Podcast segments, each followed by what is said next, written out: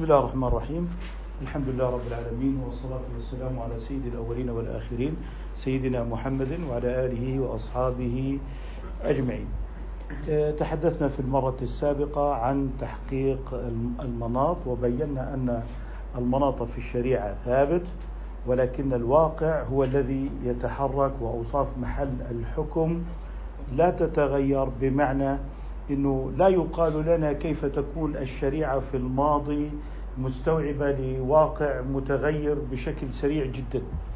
وبالتالي نحن آه، نقول إن الحكم لتحريم الربا وتحريم القمار وغير ذلك من الممنوعات أو الواجبات الحكم ثابت ولكن محل الحكم في أوصافه متغير وبالتالي لا إشكال لنا هنا آه، لدينا فيما يتعلق بما يسمى الثابت والمتحول. نحن نريد أن نتكلم بلغة أصولية علمية تحقيق المناط وهو تصور كليات الفقه على جزئياته الحادثة أو أن يثبت الحكم بمدركه ولكن يبقى النظر في تعيين محله. وبالتالي آه، لا يوجد لدينا مشكلة أن الواقع آه، يعني آه، تحرك بسرعة أو ببطء طالما أن الحكم ثابت ولكن الأوصاف تتغير والعبرة بصحة تنزيل الحكم الشرعي. اذا نحن اولا أمام الحكم نظريا تعليلا وتاصيلا وتدليلا. الربا حرام انتهينا من التعليل والتأصيل والتدليل. ما الذي بقي؟ التنزيل. إذا حتى في أحكامنا آه، الآن نحن لا نحتاج إلى مجتهد مطلق. لماذا؟ لأن الأحكام ثابتة وقد استنبطت. والعلل قد نسجت ويعني بينت. إنما يبقى الآن أن يتنزل الحكم على محله وهذا قد يمارسه عامة الناس. عندما يقول الأب سأخرج زكاتي إلى فلان سيقول له ولده هذا غني ومعه ومعه. يقول له لا رأيته كذا وكذا. إذا ماذا يفعل؟ هذا الأب وهو لا يدري ما هو تحقيق المناط لكنه هو ولده يمارسون تنزيل الحكم على أرض الواقع أو على محله. هذا أظن هو ملخص ما تكلمنا فيه في المرة الماضية. هل من سؤال؟ السؤال عن الامتحان. مشكلة المرأة عمل المرأة والمساواة هل هي بالشريعة؟ المشكلة تحدث آه، صارت حادثة لكن هي هذه المشكلة داخلة تحت إطار الشريعة يعني الشريعة ممكن أن تحل هذه المشكلة. طيب. بالنسبة للشريعة في تاريخنا الإسلامي الطويل لم يكن لدينا إشكال في موضوع المرأة.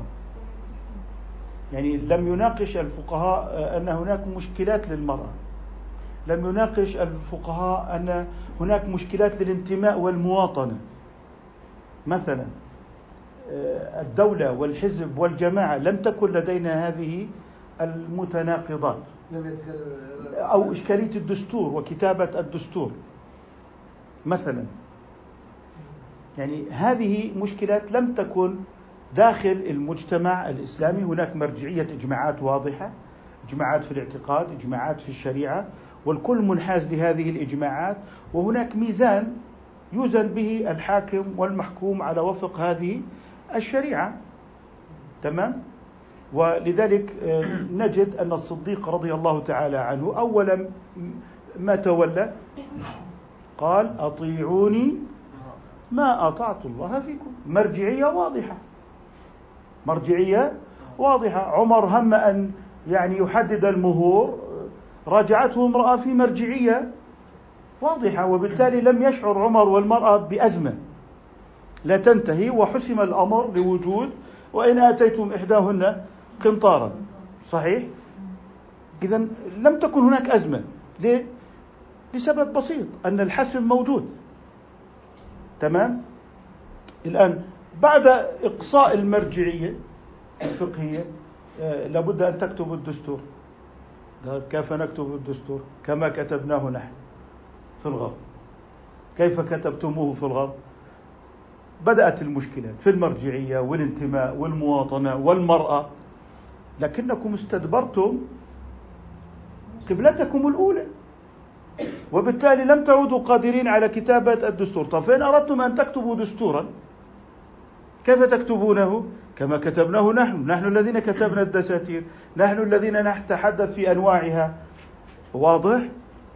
طيب لماذا أنتم كتبتم الدساتير في الغرب؟ قالوا لأننا كنا تحت الكنيسة والكنيسة هي التي تشكل المعرفة وثرنا على الكنيسة وحاصرنا البابا في موقع معين كيلومتر مربع في الفاتيكان. الآن نحن الذين سنبين المعرفة والثقافة والمجتمع وما إلى ذلك. قالوا لابد أن نكتب مبادئ عامة يتفق عليها الجميع. لابد من ثقافة عامة يتفق عليها الجميع. رواية حرب معركة قلعة فبدأوا بتشكيل الثقافة اللباس الأطعمة وهي ثقافية. وبالتالي أصبحت الثقافة عبارة عن دبكة ورقصة وثياب وطعام وما إلى ذلك. لكن الاعتقاد دعوه جانبا لأننا لا نريد أن نتقاتل كأرثوذكس أو كاثوليك وبروتستانت. يكفينا حروب لا طائل من ورائها وقد وجدنا أن الأديان أصلا هي جزء من عالم الأساطير والخرافة فلا داعي لمثل هذا القتال. أنت على هذا الدين أو على ذاك الدين كلكم على خرافة وبالتالي هذا رأي شخصي. علينا أن آه، يعني ننشط عجلة الاقتصاد وأن ننظم الحياة العامة. أما التدين فهو حالة خاصة. إذا لماذا كتب الدستور لعدم وجود مرجعية؟ طيب لماذا امرأة حسمت الخلاف مع عمر؟ لوجود المرجعية. وبالتالي أنت لم تكن تشعر بأن هذه هي المشكلة لك. وبالتالي هو جاء وفرض عليك هذه المشكلة. ومن ثم أصبحت أن تقول مشكلة المرأة والمساواة. لماذا؟ لأنه ينظر إلى المرأة والرجل على أنها كائنات بيولوجية. وإلى الأسرة على أنها وحدة اقتصادية. نشاط اقتصادي. لا الرجل يدفع مهر ولا يدفع نفقة. هي تنفق على نفسها وهو ينفق على نفسه. وهي تأتي بقطعة وهو يأتي بقطعة أخرى. وبالتالي ما في هناك ما يوجب لهذا الرجل مزية وحقوقا. فكلاهما متشارك ماليا. فهي مثل الدكان والشركاء. وبالتالي ما الإشكال لو ظهرت المساواة بين هذه الكائنات؟ البيولوجية. ومن ثم هو سيأتي مشحونا بهذه الفلسفة إلى عالم متقهقر فقهيا وأصوليا الذي ظهر فيه المفكر الاجتماعي. وحل محل الفقيه. لا يستطيع أن يعالج هكذا أزمات. ومن ثم مع أنه مدجج بالتمويل والقوة السياسية والتقنية وأصبح يفرض ثقافة لذلك برزت قضية القوامة. مثلا لماذا القوامة للرجل؟ طيب ما معنى القوامة؟ القوامة سلطة. القوامة ولاية. طب ما معنى الولاية في الفقه؟ أن الولي ينافس في مصلحة المتولى عليه. فإن قدم مصلحته عزل عن الولاية. فتقول ولاية عامة للحاكم أن ينافس في مصلحة الأمة. ولاية على الأبناء أن ينافس في مصلحة الأبناء لا أن ينافس في مصلحته هو. ولاية على الزوجة أن ينافس في مصلحتها لا في مصلحته. فالولاية هي تكليف شاق على المتولي. طيب وليس خاصا بالزوجة قد يكون ولاية على الأم وقد يكون ولاية على العامة والخالة. بأن يقوم بشؤونهم وما يصلحهم. هذه هي الولاية. أن ينافس المتولي في مصلحة المتولى عليه فإن آثر المتولي مصلحته كان يعضل ابنته عن الزواج من الكفر. اعتبر ذلك من الإخلال بالولاية. فحق لابنته أن تشكوه إلى القضاء ولا تكون عاقة. وللقاضي أن يعزله. لماذا؟ لأنه أخل بمصلحة المتولى عليه. آه، مثلا آه، الرجل من مقتضيات الولاية التأديب للزوجة والولد. هذا إذا نشزت الزوجة. طيب إذا نشز الزوج فمن يؤدبه؟ القاضي. يؤدبه القاضي بأشد مما تؤدب به المرأة. بأشد.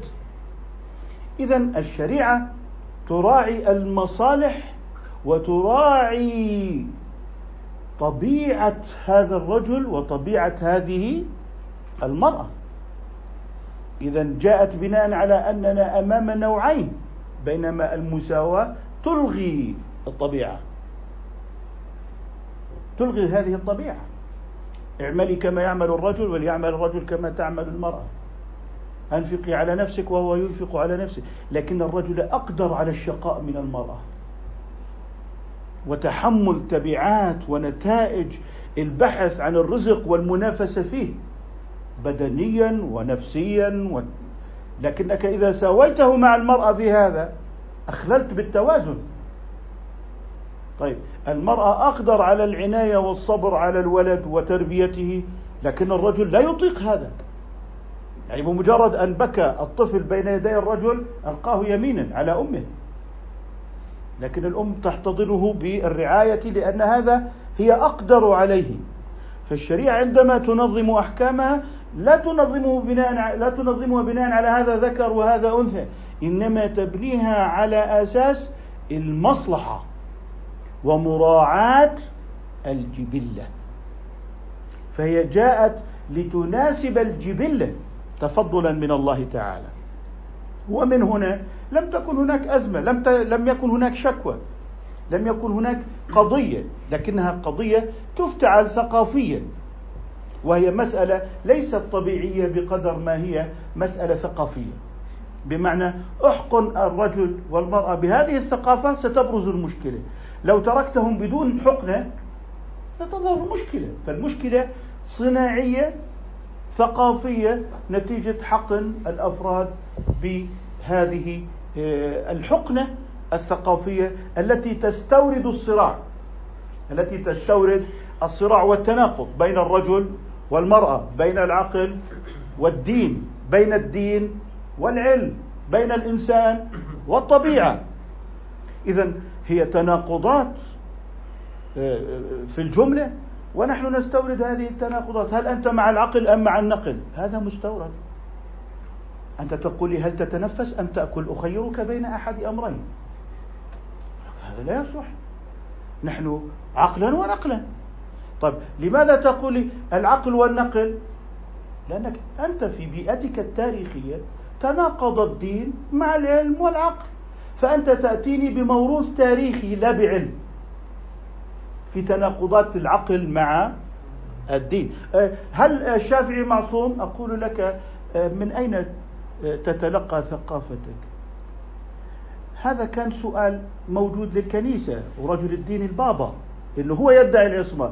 فلما تقول لي هل الشافعي معصوم؟ إذا أنت تستورد المشكلة. لذلك هل الإمام البخاري معصوم؟ لا الإمام البخاري ليس معصوما. إذا كتابه غير صحيح محل شك. تناقضات الفكر الغربي ليس من عندنا. ليس من عندنا. بما أنه ليس معصوم اذا شك. هذه تناقضات الحداثة وهي تتحكم الآن في المعرفة الدينية بحكم أن المفكر الذي يعالج مثل هذه القضايا لا يعالجها علميا اصوليا فقهيا كما سنرى. واضح؟ صار الدكتور يعني في إشكال. أول شيء هاي افكار الاستعمار هي دخلت في الوقت ما كان في مفكرين. عندما نقول مفكرين من بدا بدا من عصر جمال الدين لكن قبل أيضا كان هم الفقهاء الموجودين. صار دخلت هذه المشاكل هذه أعطني كتابا في عمل المرأة عند الفقهاء. مش ضروري يكون أنا عندي مشكلة إن الكتاب موجود بس أنا أعطيني مسألة فقهية فيها إشكالية. لاحظ أنا أتكلم عن إشكال كلي كبير. يعني التعامل مع المستجدات مدار المستجدات الموجود يعني الطابع لما دخل التعامل مع المستوردات. التعامل مع المستوردات. الاستيراد الثقافي. هذا ليس يعني لم يكن لدينا مشكلة في معاملات المالية للمرأة. الآن أنت تريد أن تستورد المشكلة وتلقي بالعبء على الفقيه. دكتور المشكلة موجودة موجودة صناعيا وليست طبيعيا. بس إحنا في النهاية مطالب بأن صحيح الواقع مشوه. وظيفتك أن تعمل مبضع الجراح لاستئصال هذه الأورام السرطانية لأن هذا ورم مستورد. خارج عن طبيعة الجسم. فأنت لا تستأصل القلب هنا أو تستأصل المعدة أنت تستأصل الأورام.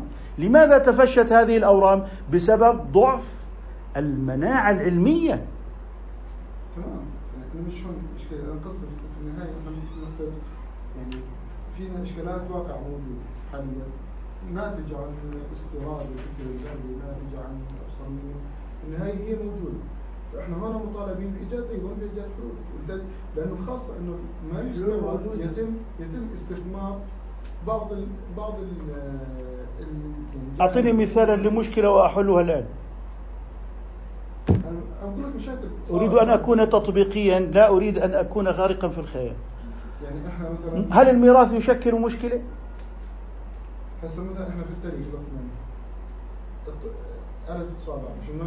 هذا أنت تتحدث بأمر عادي طبيعي. أنا أتحدث بأمر فقهي تشريعي. يعني الطابعة تدخل ضمن العاديات مثلها مثل مبضع الجراح وآلة تصوير الأشعة. هذه لا إشكال لا إشكال فيها. أنا إشكالي في الغزو الثقافي ليس في الطابعة. الآن الغزو الثقافي اللي هو فلسفة. مساواة المرأة في الرجل في كل الجوانب. في الميراث ابتداء ما علاقة هذا للطابعة. ما علاقة هذا وجهاز تصوير الأشعة الطبقي. هذه الجهاز التصوير الشعاعي الطبقي وفحص الدم وعلاج الأوبئة. هذا طبيعي. لا يختلف فيه عربي عن مسلم. يعني لا يوجد عملية خاصة عملية زيادة خاصة زيادة دودية خاصة بالمسلم. يعني سيؤتى برجل آه، مثلا آه، جريح آه، سيقال له هذا مسلم. أم هو نصراني أم هو يهودي حتى نكشف عليه. لا فرق. عمليات نقل القلب لا فرق. عمليات الزائدة الدودية لا فرق. هناك بنادول لجميع الناس. لا يوجد بنادول للمسلم وبنادول لغير المسلم. هذا لا فرق فيه. إنما أتكلم عن الأطر الفلسفية التي تريد أن تحكم العلاقة داخل الأسرة. هذه لا تعرف من المختبر. ولا يستقل العقل بإدراكها إنما تعلم من جهة الشرع كالولاية والقوامة كالمهر للمرأة والطاعة عليها كحق الطاعة للزوج وحقها في العشرة بالمعروف. هذا لا تقرره الطابعة ولا تقرره أدوات فحص الدم. وبالتالي عليك أن تعزل ما هو فلسفي تشريعي عن ما هو علمي طبيعي. في العلمي والطبيعي والرياضيات اتفاق عالمي بين جميع البشر. الجهاز الذي يقيس الرؤية آه، سواء كان في بلد مسلم أو غير مسلم لا فرق. أين يحدث الفرق؟ التصورات العقدية التشريعات. هو لما استنبط المساواة إنما جاء بها من ميوله النفسية. ولم يقم بتجربة في المختبر واستنبط منها إلغاء القوامة أو المساواة في الميراث. إذا أنا أمام خلل منهجي. وبالتالي آه، لا تأتي بالجديد في الطبيعيات وتخلط معه الموضوعات الفلسفية. هذا بوابة مختلفة تماما. أنا صراعي في الفقه والعقيدة الإسلامية مع الفلسفة الغربية عقيدة وتشريعا. مش مشكلتنا أكيد إحنا متفقين متفقين إحنا نرفض الفلسفة الغربية أو منتجات وما يؤثر ويعني ما يتم استيراده من الفلسفه الغربيه، لكن الفكرة إنه هذه الفلسفه تفرض واقعها بالقوة وليس بالفلسفه فقط. اذا هي سلطة. آه السلطة. سلطة اكراه. مثلا آه. على أي على أي أساس يعني يتم آه فرضها في الدول العربية سلطة ثقافية، سلطة. أنت مديون وإذا أردت أن تجدول الدين تعال ووقع طب ما دخل سيداو في تسديد الديون هذه هيمنة ثقافية. هذه هيمنة ثقافية. إذا أنت تعالج ليس قضية فكرية أنت تعارض هيمنة تقنية سياسية مدججة بالإعلام مدججة بالمال. كيف تتعامل؟ إذا ما الإجراءات التي يمكن أن تتعامل بها؟ كل ما يتعلق بمثل هذا لولا أنه يوجد لدينا مفكر يسوغ لمثل هذه الأمور ويبرر للحداثة ويأتي من داخل الإسلام بتبريرات للحداثة في المساواة. إنه لا أصبحت المرأة مديرة مدرسة زوجها سادس ابتدائي أتريدون أن يكون السادس ابتدائي آه، وليا وقواما؟ على امرأة آه، معها درجة الدكتوراه ومديرة مدرسة. هذا الذي يتحدث به المفكر الإسلامي. اذا أنا إشكاليتي اولا على الصعيد الأول أنه على المستوى الفكري والتشريعي هناك المبرراتي داخل الشريعة في نطاق الثقافة والتشريع لا أنه مكره بل هو يمارس التبرير والتسويغ والتسويق الثقافي. وبالتالي ما لنا وللولاية والقوامه الآن؟ هذا يسمع. لماذا؟ أن المرأة لا تشاطر الرجل ما له عند الطلاق. هذا مطروح. والإتيان بأمثلة من آه، بطون الكتب الفقهية المغمورة المسائل المهجورة لإعادة إحيائها للتوافق مع الفكر. اذا اقسم اولا المشكلة الأولى على مستوى الفكر أن هناك داخل الإسلام من يروج للفكرة راضيا عنها محبا لها ومريد لها ليس مكرها. هذا النطاق الأول. هذه مشكلتنا هنا. طيب على مستوى الإكراه الثقافي المدجج بالآلات السياسية والتقنية هذا يتعلق بالتكليف والقدرة والإرادة.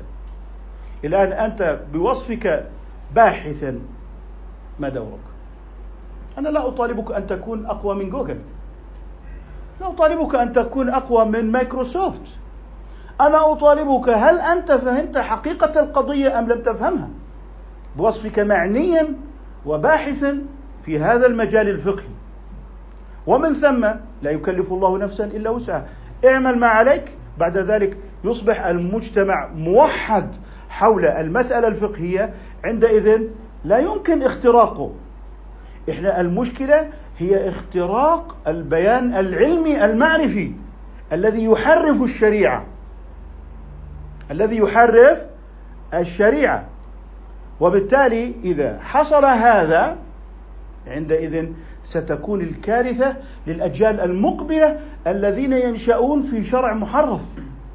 وسبقهم في هذا تحريف. واضح؟ يعني الحجاب هناك من داخل كليات الشريعة من يشكك في الحجاب. هناك من داخل كليات الشريعة من يشكك في الصحيحين. هناك من داخل كليات الشريعة من يشكك في الفقه. إذا والمذاهب.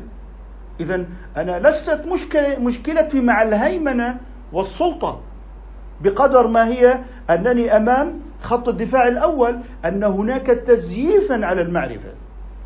فقدنا الثقة بصحيح البخاري ومسلم. ماذا سيبقى في سنن الترمذي؟ فقدنا الثقة بالمذاهب الفقهية المتبوعة التي هي عبارة عن مذهب يشمل 500 مليون كالمذهب الحنفي وهناك مذهب كان يعني آه، يواجه الاستعمار الفرنسي والإسباني مع بعض في المغرب العربي. في مجاهيل موريتانيا يقرأ الطفل ابن عاشر. وفي مجاهيل الجزائر يقرأ نفس المتن العلمي. وكذلك في السودان. وكذلك في ليبيا. منهج موحد. ألغيت المناهج. ألغيت المناهج. وقلت هذه كتب جامدة. هل أتيت بمنهج؟ كل يوم كتاب التربية الإسلامية بيتغير. وتنتزع الآيات من كتب العلوم والمناهج وتحرف المناهج. إذا أنت داخليا متطوعا ثقافيا قمت بإلغاء المناهج الكبرى التي اعتمدتها الأمة في التدريس قرون. ولكنك لم تفلح أن تأتي بسطر واحد. إذا أنت قمت بعملية التفريغ متطوعا ليس مكرها. ولم يجبرك أحد بل أنت أنفقت أموالك وأتعبت خيلك في إنتاج معرفة مشكوكة في مقابلة إقصاء المصادر الأصيلة. إذا هذا لم يكن هناك سداء وبالعكس كان هناك استعمار فرنسي. لكن كان هناك مذهب موحد لكل الجزائر يصلون صلاة واحدة يصومون صوما واحدا يحجون حجا واحدا. هذا مقلق للغزو الخارجي. مقلق للغزو الخارجي في الدولة العثمانية عثمانية من إسطنبول إلى كابول. صلاة واحدة. مذهب الحنفية أو الشافعية. وكلنا نحن في كتاب الحج عندما نناقش آه، آه، آه، في الطواف من يطوف بالبيت متى يقطع الطواف؟ قال يقطع الطواف لواحد فقط. هو إمام مقام إبراهيم وهو الشافعي. إمام مقام إبراهيم كان إيه؟ شافعيا. فالمالكية وهم يدرسون طلابهم في الفقه لمن يقطع الطواف إذا أقيمت الصلاة لإمام مقام إبراهيم وهو الشافعي. لو أنه واحد مالكي أراد أن يصلي جماعة على زاوية لا تقطع له الصلاة. من من كائنا من كان. لا يقطع الطواف إلا لإمام مقام إبراهيم وهو الشافعي. إذا لم يكن لدينا مشكلة. إذا ألغيت هذا المجموع والجماعة وأتيت بكتاب فلان في العبادات وكتاب فلان في الصلاة وكتاب هذه الكتب لم يجتمع عليها اثنان. إنما هم اجتمعوا عليه من يحبونه. لكن الأمة لا تجتمع على هذا. إذا الخط الدفاعي الأول هو البيان العلمي المعرفي. فإذا أصلح البيان العلمي المعرفي هان ما بعده. لأنه أنت لم تعد لم تعد مخترقا معرفيا. الآن أصبحت الكلمة موحدة لا سداو ولا غير سداو يمكن أن يؤثر. أحدهم قال وشكك في الحجاب لماذا أصبح هناك متشك أصبح هناك متشككون في الحجاب؟ لماذا؟ من هو مذهب؟ وقديما كانوا إذا أرادوا أن يقولوا سوءا في أحدهم قالوا هذا لا مذهب له. اليوم اللا مذهبية أصبحت ميزة. وهذا ملوش مذهب. قديما هذا لا يعني ما معنى لا مذهب له؟ لا تدري ما سيقول. لا تدري كيف تحاكمه. لا تدري على أي مرجع ترجعه. لذلك الجمود الفقهي والتعصب المذهبي هي نشأت من داخل البيان المعرفي الإسلامي وفجرته من الداخل. وبالتالي لم يعد لدينا حرام نتفق عليه ولا حلال نتفق عليه. ونص الأمة كفار ما بين تكفير بترك الصلاة والتكفير بالحاكمية والولاء والبراء لم يبقى أحد إذا تسللت الطوائف داخل البيت السني وأفسدته فجرته من الداخل لماذا؟ هل التكفير كان في سداو؟ هل الذين يعني تغلغلوا في جامعاتنا وأنكروا الحجاب هؤلاء موقعون على سداو؟ لا. إنما هم اختاروا ذلك بأنفسهم متطوعين في التنوير الإسلامي الجديد. إذا حافظ على البيان المعرفي دون تزوير. عليك أن تورث الأجيال القادمة بيانا علميا معرفيا مستقرا في الحلال والحرام والعقائد والكفر والإيمان والبدعة والسنة. لا أن تدخل إلى المسجد.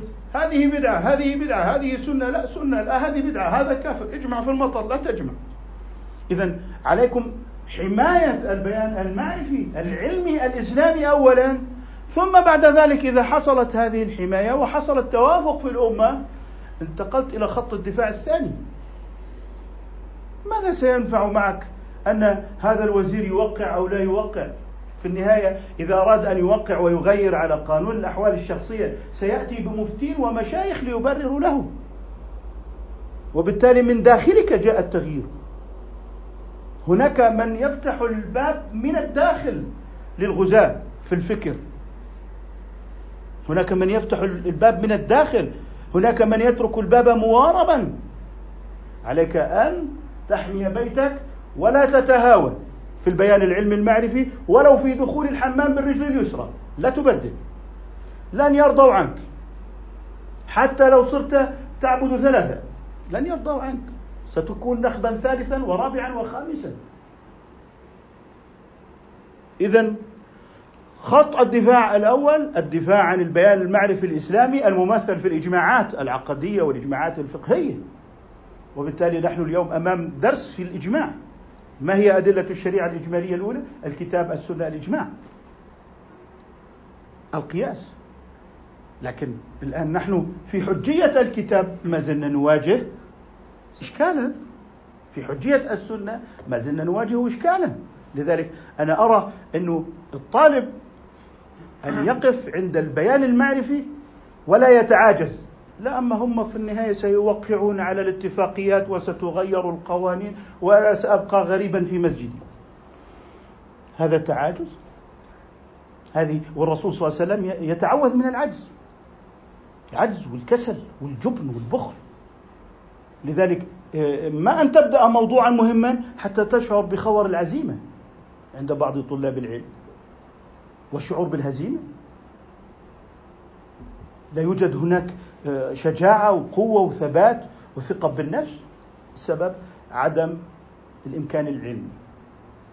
وأنا الآن سأناقش قضية حجية الكتاب وحجية السنة وحجية الإجماع. كيف يكون القرآن حجة؟ وسبب حجيته أنه بليغ. ونحن لا نعرف البلاغة كيف يكون حجة علينا وعلى الكافرين؟ يعني أنت ستقول عالمية الإسلام. ما دليل عالمية الإسلام؟ الكتاب. أنه معجز. وهذا الإعجاز في القرآن الكريم آه، هو سبب الحجية على الخلق. كيف يكون حجة على الهنود الذين لا يعرفون العربية؟ وكيف يكون حجة على العرب اليوم الذين لا يحسنون القراءة عن حاضر والخط مشكول باللون الأحمر؟ كيف يكون حجة؟ والناس لا يفقهون هذه اللغة؟ ما الجواب؟ كيف ترجمة؟ ترجمة حجته في بلاغته والترجمة لا تعد قرآنا؟ كيف يكون حجة؟ عدم عدم وجود مخالف له أو عدم وجود اختلاف فيه أو تناقض عدم وجود اختلال في القرآن؟ مثلا أجيب لك قصائد لا يوجد فيها اختلال. كيف تكون حجة؟ دكتور تحقق حجيته على أبلغ الناس؟ الناس؟ في عهد الرسول صلى الله عليه وسلم. اللي هم العرب. فإذا هم اللي هم الفصحاء كانوا عاجزين عن أن يأتوا بمثله أو بسورته ما الدليل على أنه لم يعارض أحد القرآن الكريم؟ ستستند لم يرد. هذا حدث لكن لم يثبت بالنسبة لي. أعطيني السند لقولك هذا. عندك سند؟ أن العرب عاجزون.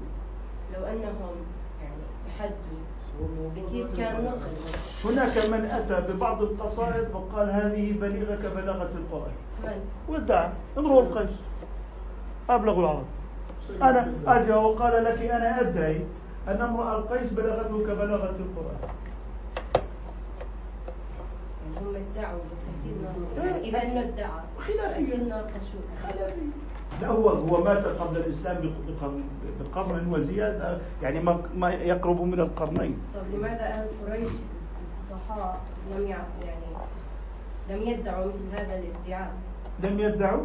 ولو كان موجودا لكانوا يعني ادعوه كانوا مشغولين بالحرب ومشغولين بأمور أخرى فلم يعارضوه. تستدلين بالعدم لاحظي أنت تستدلين بالإيه؟ بالعدم والعدم ليس دليلا أنت جزء من كلامك صحيح.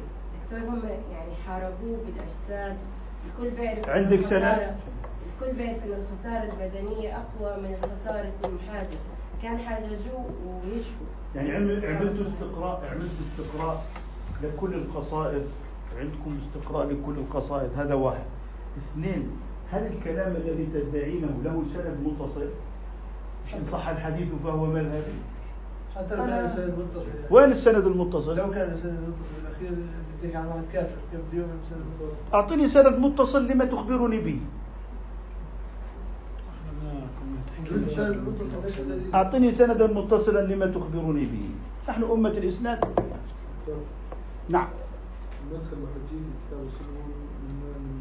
كتاب من وجود الله صحيح لكن أنت تقول لي الإسلام هل الإسلام ما دليل معجزة النبي صلى الله عليه وسلم؟ بلاغة القرآن. وأن العرب عجزوا عن معارضته صحيح؟ أعطني السند المتصل لهذا الخبر. أن العرب عجزوا. أعطيني سند متصل فلان عن فلان عن فلان.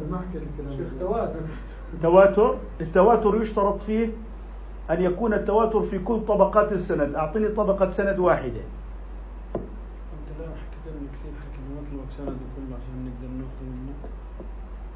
خلاص قضية خلافية. لا ترد علي ولا برد عليك. إذا فقد الإسلام حجيته وأصبح وجهة نظر ولا يوجد عندنا مشكلة. لا ترد علي وأنا ما برد عليك. بس أنت ما أقمت البينة وأنا ما أقمت البينة. أنا سأذهب إلى الجواب مباشرة لأن البرنامج لسه حجية السنة وحجية الإجماع. سأذهب إلى الجواب مباشرة.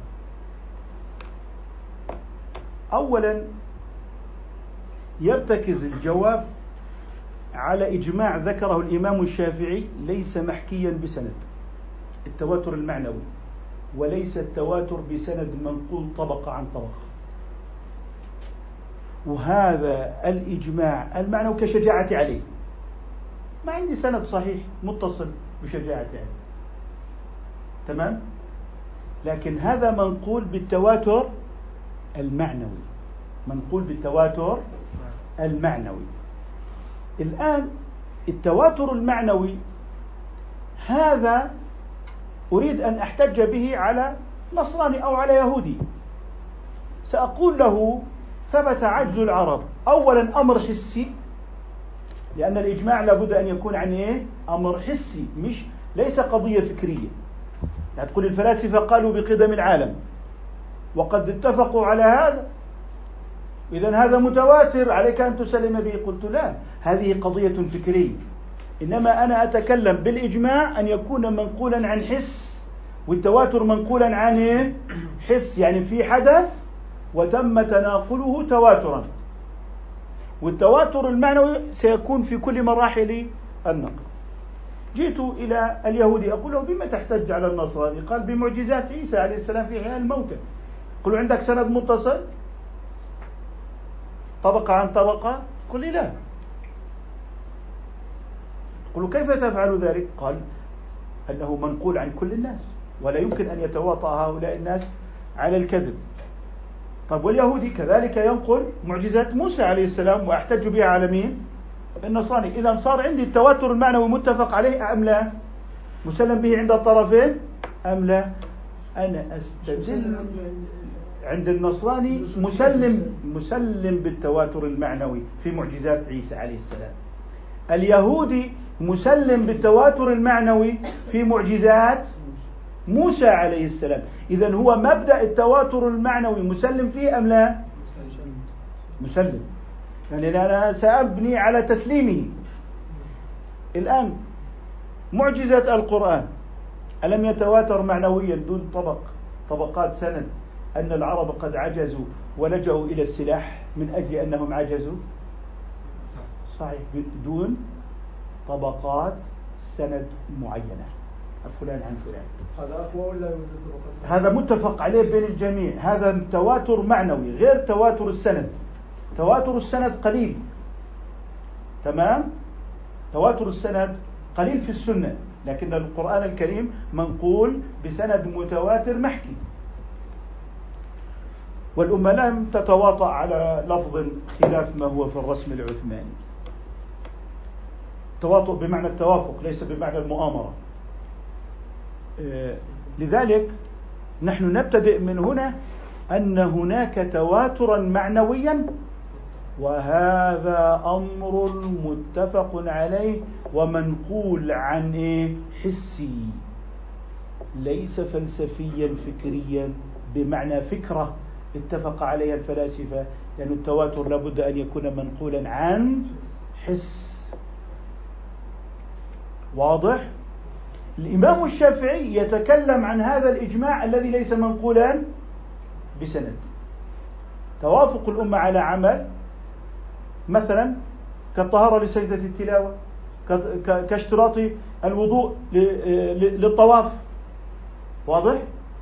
هذا لا يوجد عليه دليل خاص قد يكون مستنبط آه، آه، الطواف صلاة لكنه لا كلام فيه إلى آخره. لكن الدليل الأقوى هو إيه؟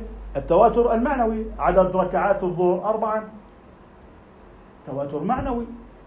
واضح؟ إذا تأسيس التواتر المعنوي مهم جدا للمعرفة البشرية وتقوم عليه المعرفة البشرية سواء كانوا يهودا أو نصارى أو من غيرهم. الآن أقول لهم أنتم النصارى احتججتم على اليهود بمعجزات عيسى عليه السلام وهي منقولة بالتواتر المعنوي واليهود كذلك لكنني أنا سآتيكم بالمعجزة التي أيضا تواترت معنويا في عجز الناس في عجز الناس. وتزيد على معجزاتكم أنها, باقية إلى الآن ومستمرة. سترجح على نقلكم. سترجح على نقلكم. بأنها تتضمن معجزاتكم. وهو القرآن الكريم. إلا أنه موجود ويقرأ الآن وما زال التحدي في معارضته قائما.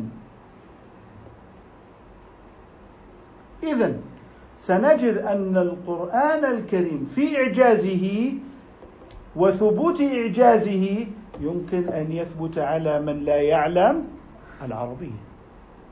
وعلى من لم يعرف قواعدها وإن كان غير مدرك لهذا الذي يقرأ ما هو لكن هنا يثبت عليه الإعجاز بالنقل المتواتر وإن لم يكن عالما باللغة كما أن الناس يثقون بالنقول المتواترة. وأن النقل المتواتر تقطع النفس به. زد على هذا. الآن لو أنني مثلا قلت القرآن ادعى أحدهم قال القرآن ليس معجزا. قلنا له أصلا هو الإعجاز التحدي به لمن؟ للكافرين. وليس للمؤمنين الذين سلموا بأن هذا كلام الله. الآن سأقول له سنرفع القضية في محكمة لا دينية لا يؤمنون بدين. وأنا راض بذلك الحكم. وأنا راض بذلك الحكم. أنت جاحد لي تواتر القرآن الكريم. جاحد لي وتشك لأنه أصلح أصبح الشك مذهب. اختر محكمة من المحاكم الملحدة التي لا تؤمن بالله وأنا سأترافع معك أمام هذه المحكمة. وأنا سأقبل بحكمها. رفع أنا ذهبت إلى القضية قلت هذا الكلام معجز. نزل منذ خمسة عشر قرنا. وأنا أدعي الإعجاز. مثلا سأعطي مثال. ذهبت إلى القاضي قلت له هذا القلم لي. أريد أن تثبت ملكيته قال سأقوم بإعلان لمدة شهر حتى يثبت يثبت لك سند الملكية إن لم يكن لك معارض. إن لم يكن لك إيه؟ معارض. تمام؟ فادعيت ذلك وأثبت في المحضر وأعلن أن فلان ابن فلان يدعي أن هذا القلم له. فمن كان له حق أو اعتراض فليتقدم إلى المحكمة. خلال مدة شهر. طيب مدد لشهرين. طب مدد لسنتين. طب مدد لعشرين سنة. في النهاية سيقول لي لن أبقى أمدد سأحكم لك بالقلم وبصحة الدعوة. الآن رفعت عند قاض قلت له هذا الكتاب معجز للبشرية. أنا أدعي ذلك وأريد أن تثبت ذلك. في نفس القضية كان قلم بعدم وجود معارض. فمن أراد أن يعارض فليأتي بسورة من مثله. فليأتي بسورة من مثله. وعندئذ دع الآخرين آه، يعني يعالجوا هذه القضية. وهذه دعوة منذ خمسة عشر قرنا لم يعارضها أحد. ماذا سيفعل؟ سيقول عارضوا. قلنا له منذ خمسة عشر عاما قرنا. والقوم يحاولون. ولكن هناك محاولات تدعو للتندر والضحك. ماذا سيحكم؟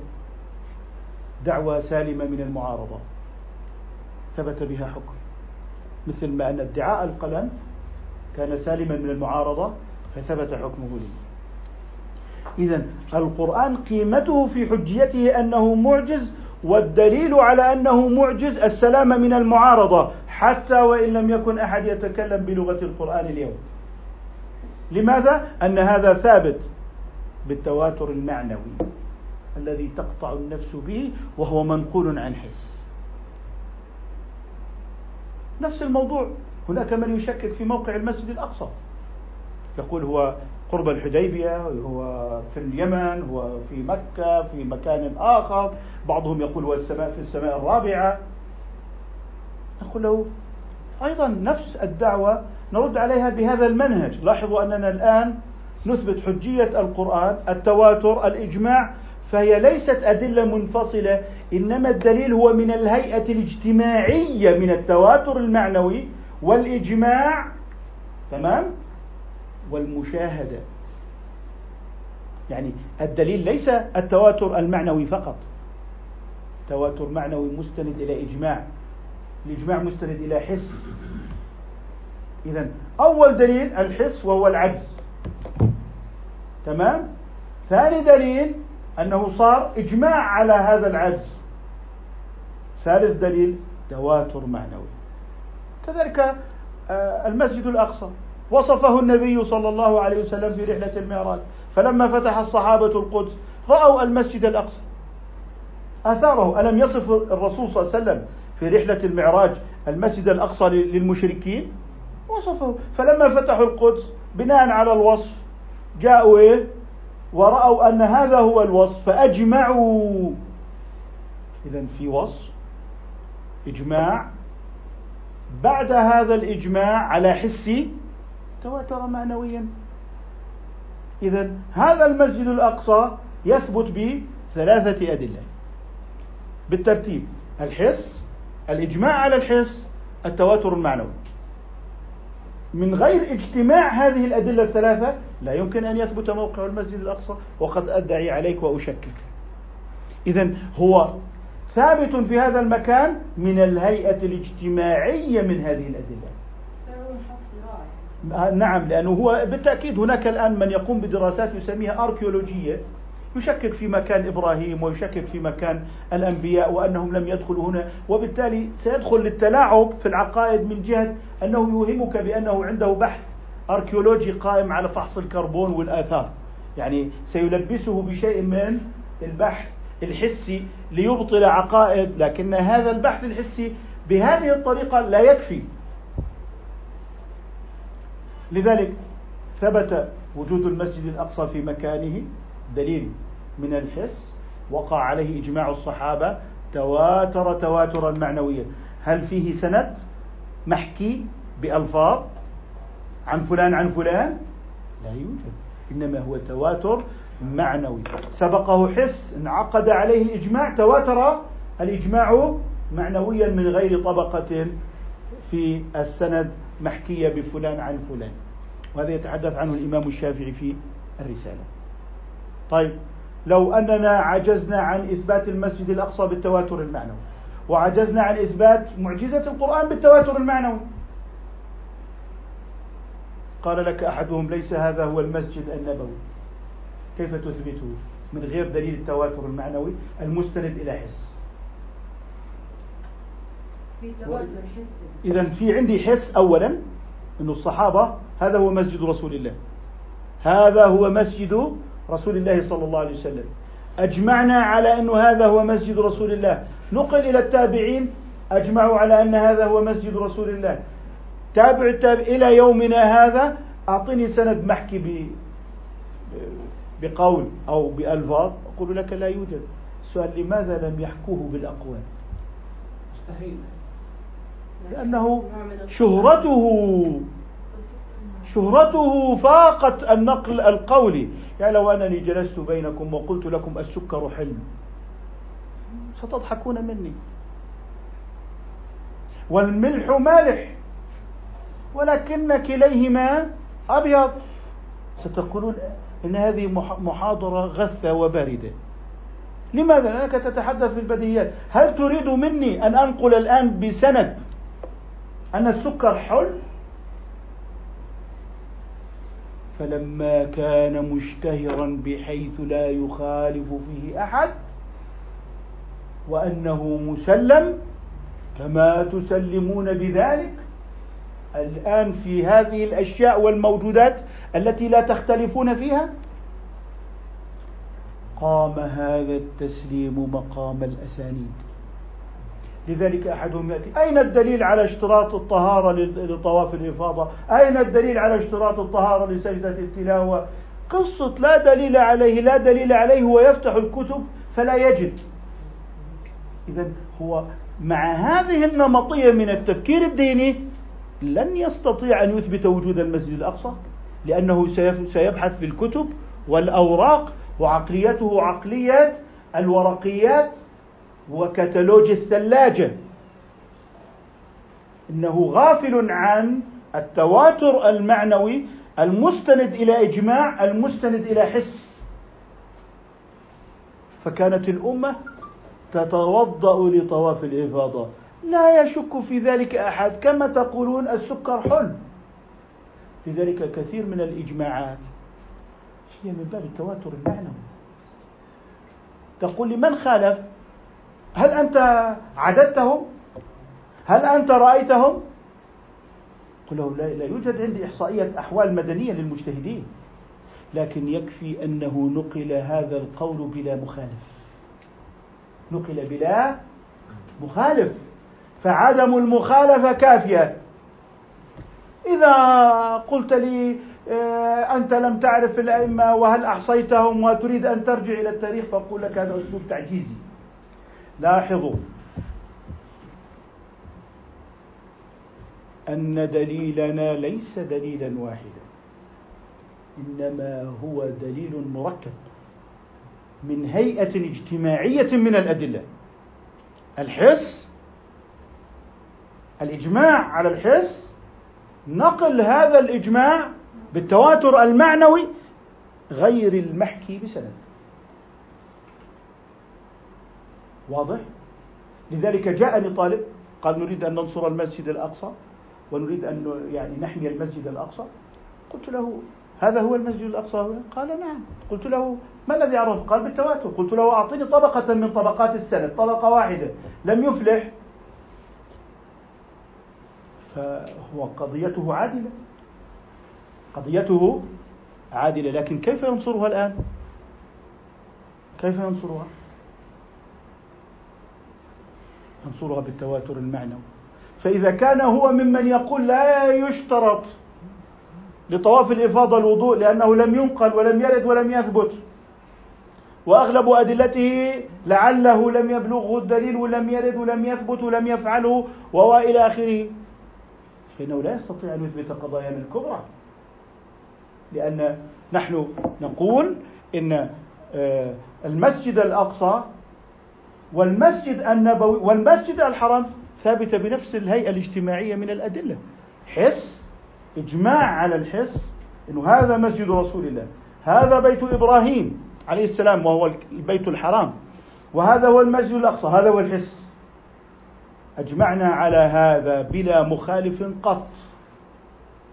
ثم نقل هذا الإجماع بالتواتر. هل تستطيع أن تتخلى عن حلقة من هذه الحلقات الثلاث في كسب القضية؟ لا تستطيع. ومن هنا نقول إن عمل الأمة بالسنة متواتر وأنها حجة. إذا هناك دليل الأدلة. دليل الإيه؟ الأدلة. إعجاز القرآن ثبت بها.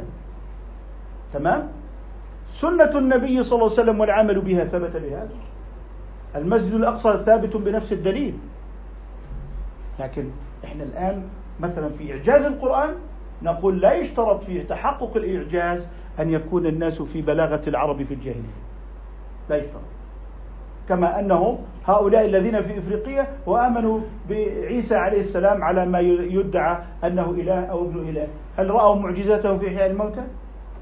لم يروها طيب أنتم آمنتم بما طب هذا القرآن بين أيديكم اقرأوه وعارضوه. هذا أولى بالاحتجاج. ولذلك ستبقى حجية القرآن على الكافرين والمسلمين. علموا اللغة أم لم يعلموها؟ من حيث هذا الباب دعوة سالمة من المعارضة.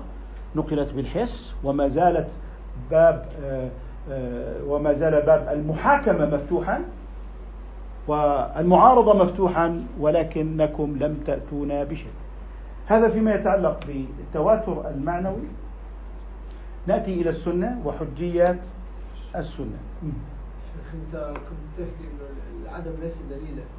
والآن قلت أنه عدم وجود مخالف للإجماع هو دليل لصحة الإجماع. العدم المحض ليس دليلا. العدم المحض ليس دليلا في الأحكام الثبوتية. أما العدم الاعتباري فهو دليل. كان أقول لك آه لم يصلي رسول الله تعالى خمسا. هو ما صلى خمسا لكنه صلى أربعا. إذا هناك صفة وجودية. إذا العدم المحض لا يثبت به حكم ثبوتي. تمام؟ أقول لك قبل الإسلام لا يوجد عقاب لعدم ورود الشرع. إذا عدم ورود الشرع ولا يوجد عقاب لا يوجد عقاب حكم. لماذا؟ لعدم وجود الشرع. إذا يجوز تعليل الحكم المنفي بعدم المحض أما تعليل الأحكام الثبوتية بالعدم المحض فهذا لا يكون إطلاقا. طب هيك جاء لعدم وجود صلاة عدم آه. عدم وجود إذا ما الدليل على عدم جواز الخمس ركعات؟ لعدم صلاة رسول الله خمس ركعات الظهر. هل هذا عدم محض أم عدم اعتباري؟ صلى أربعا له صفة ثبوتية. له صفة ثبوتية أنه صلى أربعا طيب لم يأكل على خوان قط. دليل صح؟ طيب هل له صفة ثبوتية؟ نعم أكل على الأرض. إذا له صفة وجودية. ما هو العدم المحض الذي لا يعبر عنه بصفة وجودية أبدا؟ طيب لم يؤذن رسول الله للعيد كيف صلى؟ صفة وجودية أنه صلى بالغير أذان طيب أقول لك لا يجوز ركوب الطائرة لا رسول مثلا آه، الرسول صلى الله عليه وسلم يجوز ركوب الطائرة مع أن النبي لم يركب الطائرة. لم يركب الطائرة لا يعد دليلا لأنه عدم محض. لأنه عدم محض. فنجد أن العدم حيث كان ترك النبي صلى الله عليه وسلم مقصودا مقصودا فهو فعل وليس عدما. إذا ترك النبي متى يكون حجة؟ إذا كان مقصودا. إذا كان مقصودا فتركه الأذان مقصود. تركه الأكل على مرتفع مقصود وله صفة وجودية. أما الترك العدمي كان أقول لك الرسول لم يفتح مستشفى طوارئ. إذا لا نريد أن نفتح مستشفى طوارئ. مثلا إذا هذا في القياس هذا مبحوث في القياس في العلة.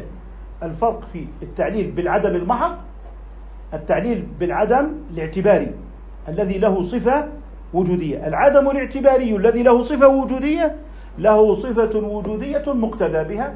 كما قلنا يبطل صلاة الظهر خمس ركعات لأن النبي لم يصلي خمسا صلى أربعة. هذا مبحث كبير في قضية البدع. أليست تركات النبي صلى الله عليه وسلم في ما يتعلق بالشريعة كانت مقصودة منها؟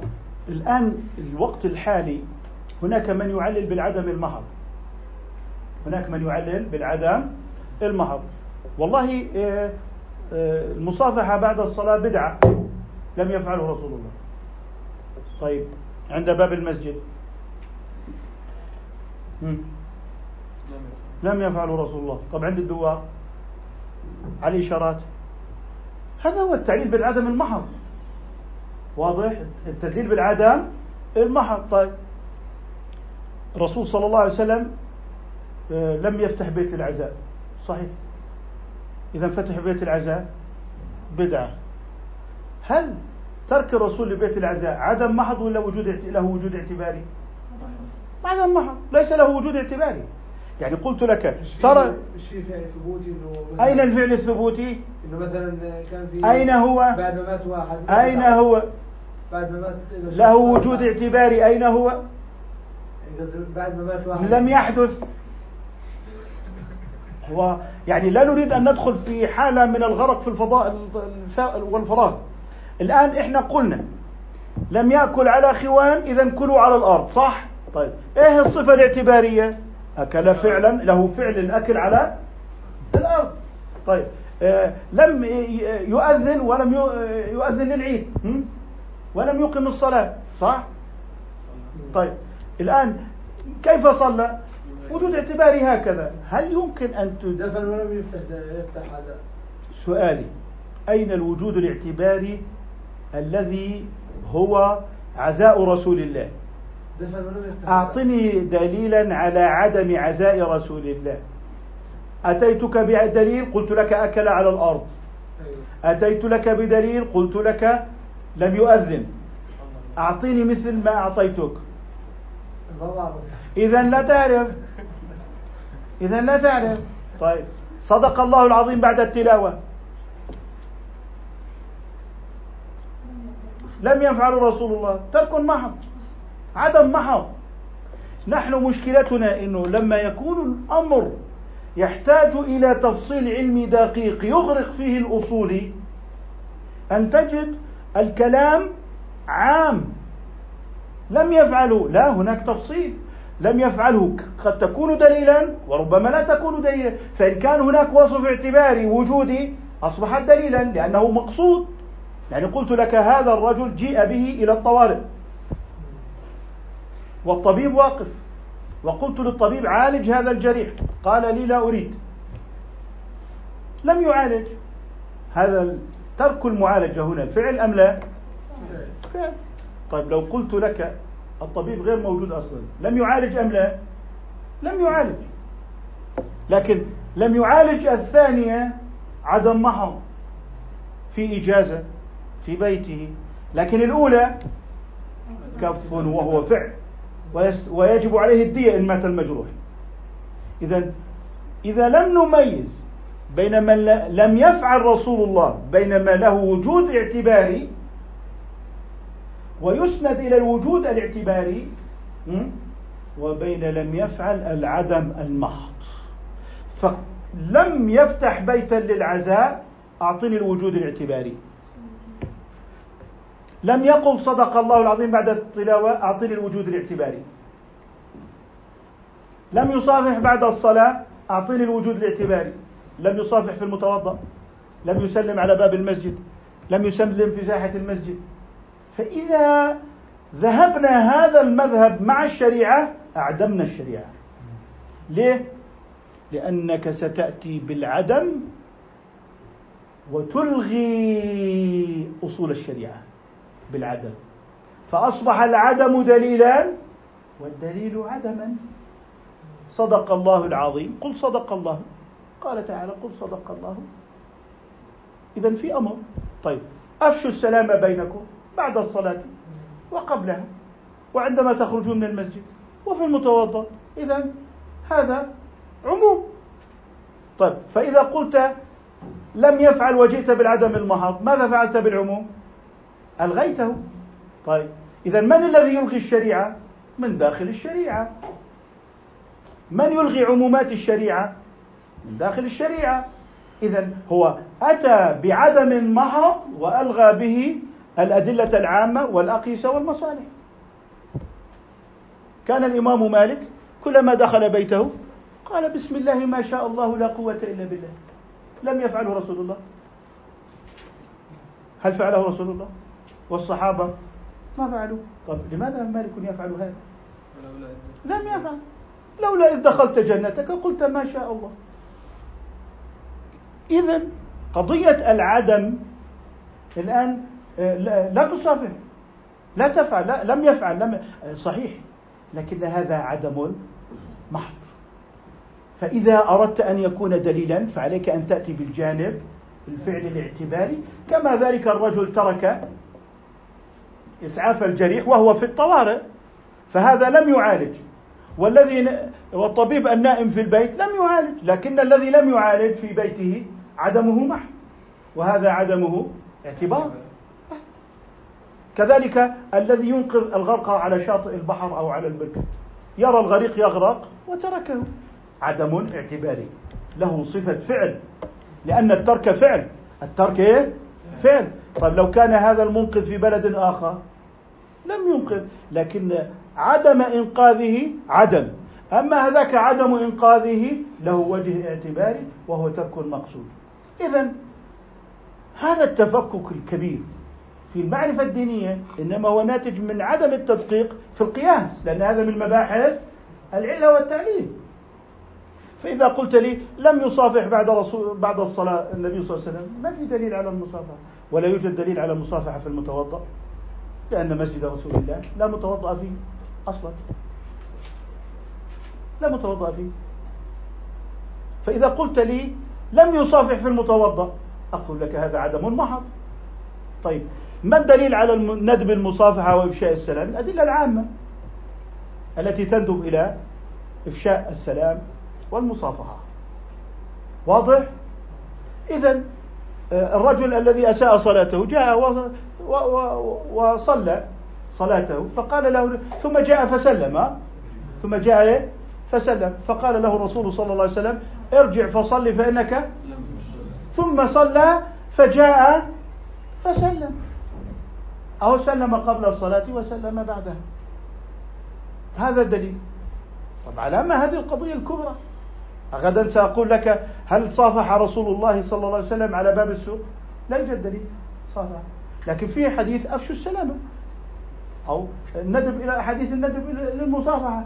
هذه القضية العدمية أن يأتي بالعدم المحض ثم يرد به أدلة الشريعة العامة كالأقيسة والأصول العامة.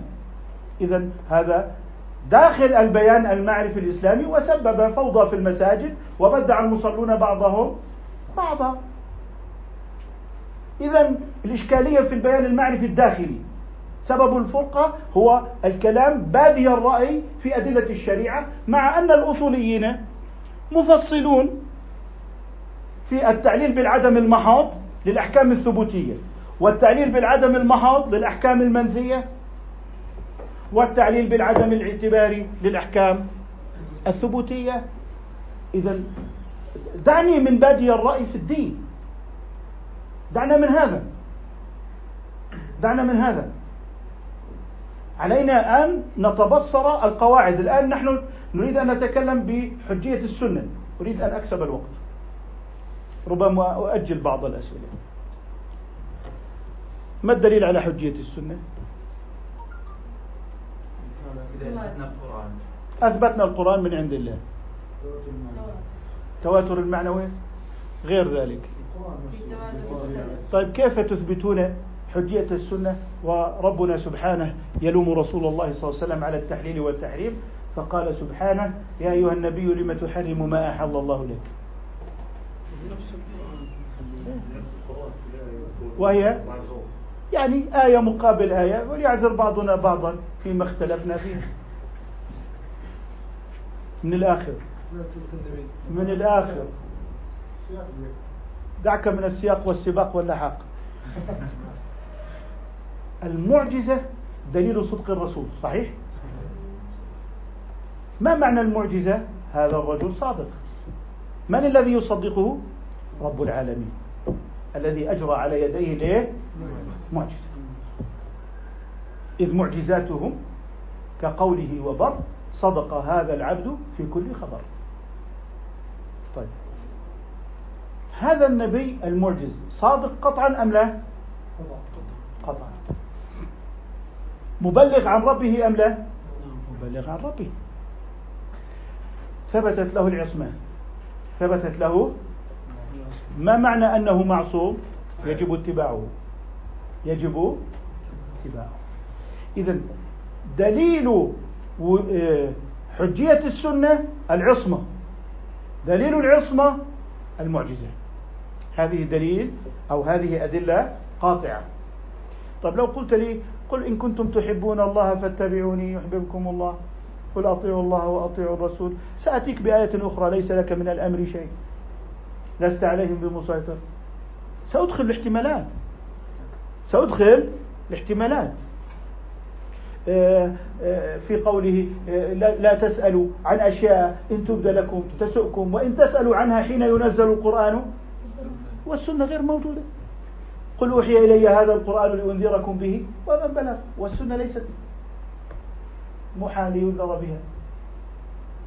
إذا إذا أتيت بأدلة نقلية سيعترض عليك بأدلة نقلية أخرى. مثل يا أيها النبي لما تحرم ما أحل الله لك؟ فيدخل الاحتمال صحيح؟ هل يستطيع أن يدخل الاحتمال على المعجزة؟ لا يستطيع. طب ماذا يلزم من المعجزة؟ العصمة. ما معنى العصمة؟ أنه محفوظ في موضوع الأمانة أنه لا يفعل محرما.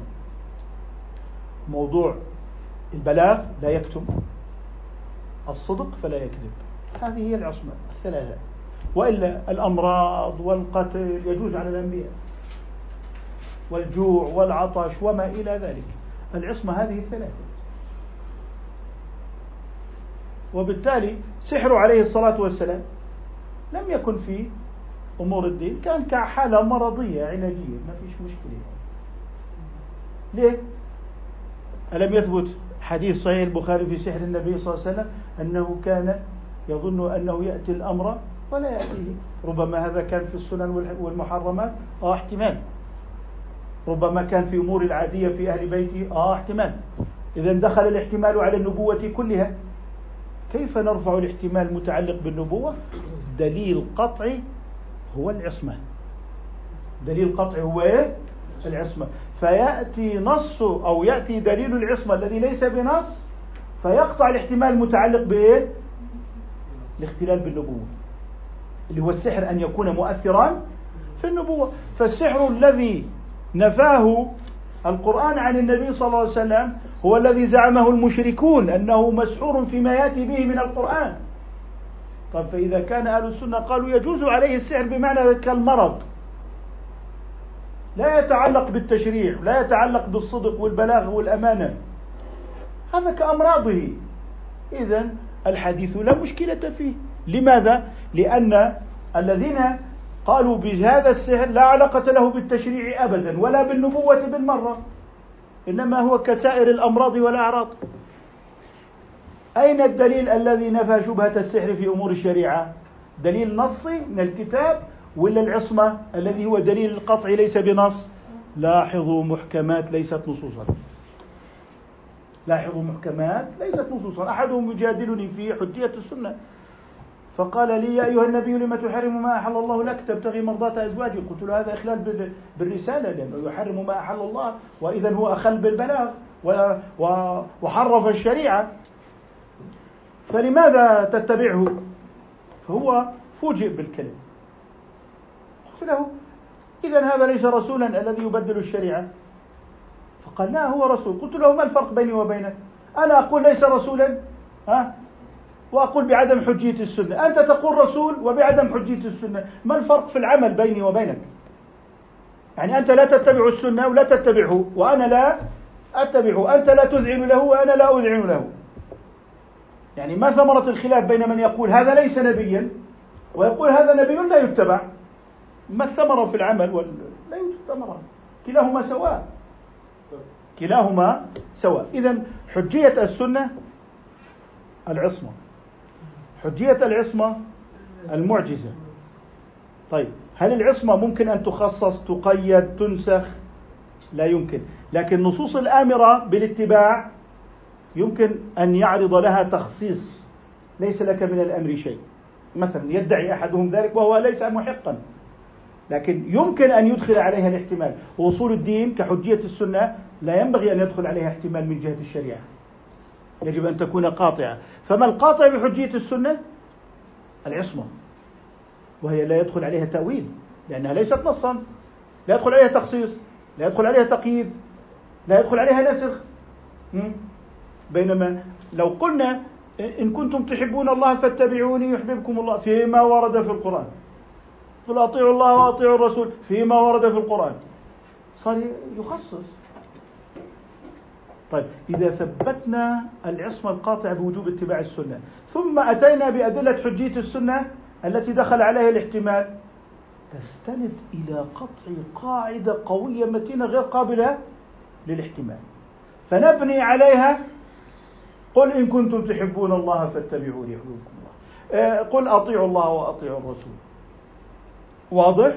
بعد ذلك تلك الأدلة التي دخلت الاحتمال يبطل احتمالها لأنها عرضت بالقاطع وهو العصمة. عرضت بالقاطع وهو العصمة. إذا إذا بقينا نسرد أدلة نقلية قابلة للتخصيص في حجية السنة سيبقى النقاش مفتوحا. نحن لا نريد أن يبقى نقاشنا مفتوحا وأن يكون هناك مزيد من النقاش على الأرضية التي تقوم عليها الشريعة القواعد الشريعة. لا نريد أن نجعلها محل نقاش. فكيف نحسم النقاش؟ بالعصمة. واضح؟ بالعصمة. كيف تثبت العصمة؟ بالمعجزة. إذا ستجد أن آه، وعصمة النبي توجب اقتفاء. هذا نص المراقي مراقي السعود. وقد رآه بعض من تصوف. وعصمة النبي توجب اقتفاء. إذا آه، اقتفاء أي اتباع. اقتفى آه الاقتفاء إذا هم الأصوليون يثبتون السنة بالإيه؟ بالعصمة. بعد ذلك يأتون بالأدلة النقلية. إذا ثبتت حجية القرآن وثبتت حجية السنة لأن حجية الإجماع. الإجماع هو اتفاق المجتهدين.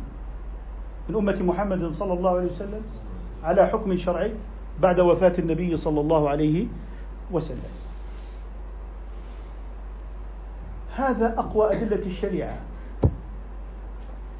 لكن السؤال كيف يثبت وكيف يعترض عليه؟ يعني أحدهم يقول لك اليوم هل أنت تقصيت كل علماء الأمة وتأكدت أنهم مجتهدون وبلغوا درجة الاجتهاد المطلق. وإلى آخره. أقول له لو فعلنا هذا فإنك ستجيز المحرمات من النساء. لأنه لا يوجد سأدخل الاحتمال على المحرمات من النساء. العمة والخالة. ثابتة بدليل من السنة ظني أعطني آه، ممكن يقول لك وأحل لكم ما وراء ذلكم. صح؟ والعمة والخالة ليست في الآية. آية المحرمات من النساء. والحديث ظني وعارض القطع ها؟ من بدل دينه فاقتلوه عارض لا إكراه في الدين. زواج المجوسيات سنوا بهم سنة أهل الكتاب. لو فعلت ذلك طيب. خلاص. إذا أنت تريد الإجماع أن أثبته بهذه الطريقة ما الذي يمنع إمامة المرأة الجمعة في المسلمين؟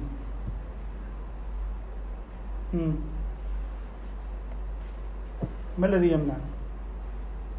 ما الذي يمنع آه، أن تخرج المرأة بلا حجاب؟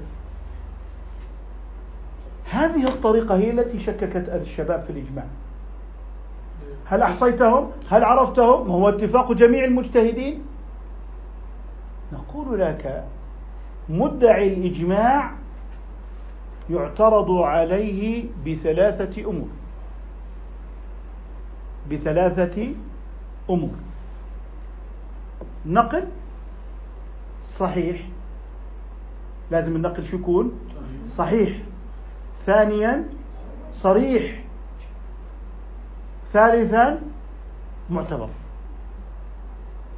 يعني لا تقول لي إذا قلت لك أجمع على تحريم نكاح المتعة. تقول لي خالف ابن عباس كيف أجمع؟ إذا يجوز نكاح المتعة.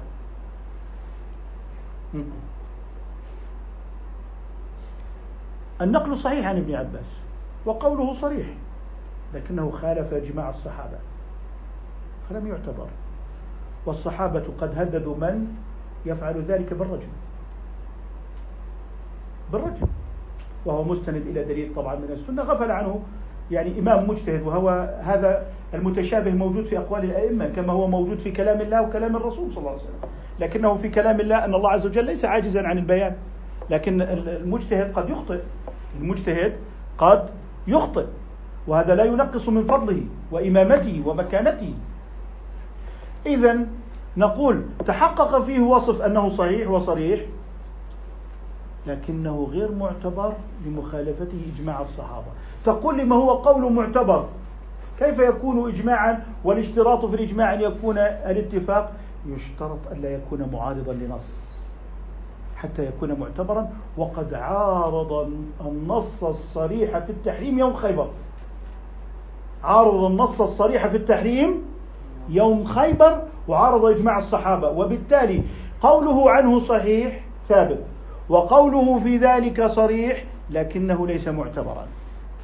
قلت لي أجمع على وجوب حد الردة المرتد. قلت لي أنت كنت معه؟ قلت لك لا. أنت أحصيته؟ لا. ولا يشترط أن أحصيه. أنا مدعي. لكن كيف يعترض علي؟ هات قول صحيح صريح معتبر. إذا الرد يكون على من؟ على المعترض. أنا مدعي. الآن أنت تريد أن تقول لي تقصى المجتهدين وتحقق أوصافهم في الاجتهاد؟ هذا هذا هذا معجز. وبهذه الطريقة لا يوجد إجماع في الشريعة أصلا وستنحل عرى الشريعة.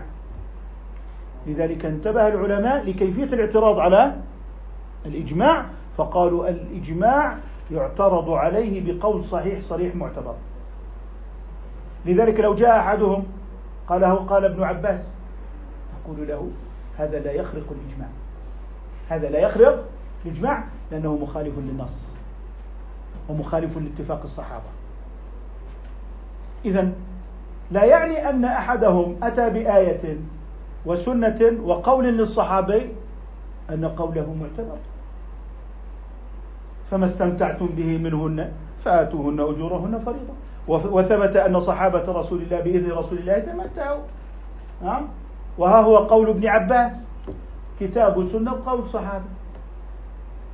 لكن الأمة اتفقت على أن نكاح المتعة حرام وعملوا على هذا ويفسخ أبدا.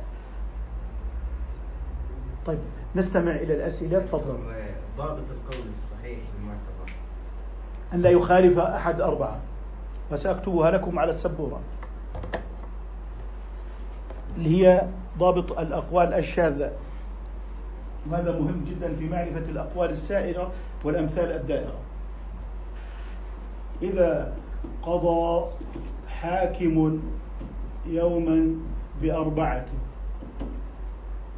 فالحكم منتقض من بعد إبرام خلاف نص وإجماع وقاعدة. كذا قياس جلي دون إيهام.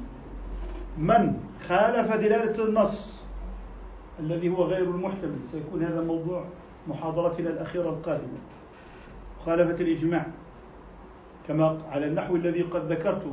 لا نقول لمدعي الإجماع كيف يمكن أن يجتمعوا وأنت لم تحصر هذا كلام اجتماعي كلام مفكرين. هذا كلام مفكرين ده كلام مثقفين. ده كلام مثقفين. ده مش كلامنا لم يمكن أن يأتي أحدهم. يعني في السابق أن يقول لأحدهم يقول له ها قد خالف ابن عباس في المتع لم يكونوا يقولون إن هذا معتبر بل على العكس كانوا يتوعدون من من يفعله بالرجم يعني انظروا إلى هذا الحد يعني. لكن الله سبحانه وتعالى يبتلي ابتلى بعض الناس بقول لابن عباس فتركوا الأمة وإجماعاتها وتركوا مذاهبها لقول ابتلاهم الله به.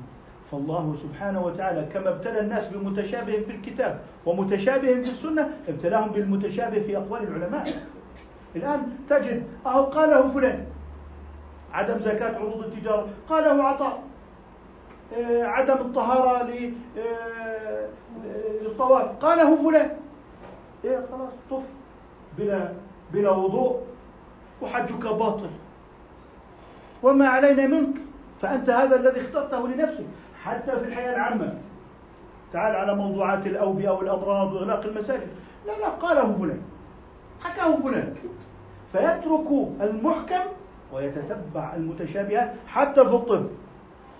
حتى في في في, في الشؤون الاجتماعية. الناس يصدقون هذا الرجل. لا هناك من قال إنه كذب. هذا موجود. لذلك العدوى التي أصابت الدين في ترك المذاهب الأربعة المتبوعة فيما اتفقت عليه وصلت إلى الطب. آه قاله عطاء. هذا قاله أبو ثور وهذا مذهب ابن أبي ليلى. وهذا مذهب فلان وفلان وفلان. فتركوا المهيع اللاحب الطريق العريض المستقيم وسلكوا بنيات الطريق في دينهم ثم بعد ذلك أفسدوا دنياهم. لا تكاد تراهم يجتمعون في جمع الصلاة في المطر ولا في حج ولا في صيام. نتيجة تتبع الأقوال الشاذة. بخاخ الربو رذاذ ويدخل الصدر والمعدة يقول لك لا يفطر. لماذا؟ يقول لك لأنه ليس مغذيا. لأنه ليس مغذيا. طب طب والتدخين؟ ليس مغذيا. يفطر. ما يفطر طب ما هو ليس مغذيا فأنت تريد أن تسلك في علتك مسلكا. واحد قال لا هذا مريض. أما هذا ليس مريضا. مريض يعني نعطيه حبوب بنادول مثلا يبلعها. لا طب هو مريض. لا جرى على مريض ولا جرى على مغذي ولا غير مغذي. ولا خلاه يصوم ولا خلاه يفطر ولا خلاه يقضي ولا خلاه يفدي. يعني خراب الديار من كل الجهات. طب ما هو قال له أنت الآن صايم. طب خلص ما هو بالمذاهب الأربعة وكلهم داخلين إجماع لا يشترط أن يكون مغذي بيقولوا عنه مفطر لا لا انت طب بناء عليه لا يقضي بس هو غير صايم. طب هل يفدي؟ لا يفدي. لا يصوم ولا يفدي ولا يقضي. وهو جائع طوال النهار ما الذي أوصلكم إلى هذا إلا أنكم سلكتم بنيات الطريق وتركتم المهيع اللاحق وتنكبتم المحكمات وثقتم بأنفسكم. ثقتم بأنفسكم. إذا الإجماع القاعدة الفقهية القياس الجلي اللي هو نفي الفارق. يعني كنفي الفارق بين الخمر والمخدرات. هذا قياس جلي. لا فرق. بل على العكس المخدرات فيها مفسدة أكبر من الخمر. إذا إذا أقول قياس المخدرات على الخمر من القياس الجلي الذي فيه العلة أتم في الفرع منها في الأصل. إذا إذا أصاب واحدا من هذه واحد نص اثنين الإجماع القاعدة ثلاث القياس الجلي أربعة فمن خرم واحدة من هذه الأربعة فهو قول شاذ لا يحل التعبد به ولا يكون من الدين. تفضل.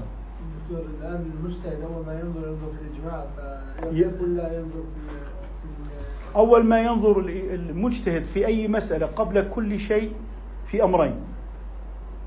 النفي الاصلي والإجماع.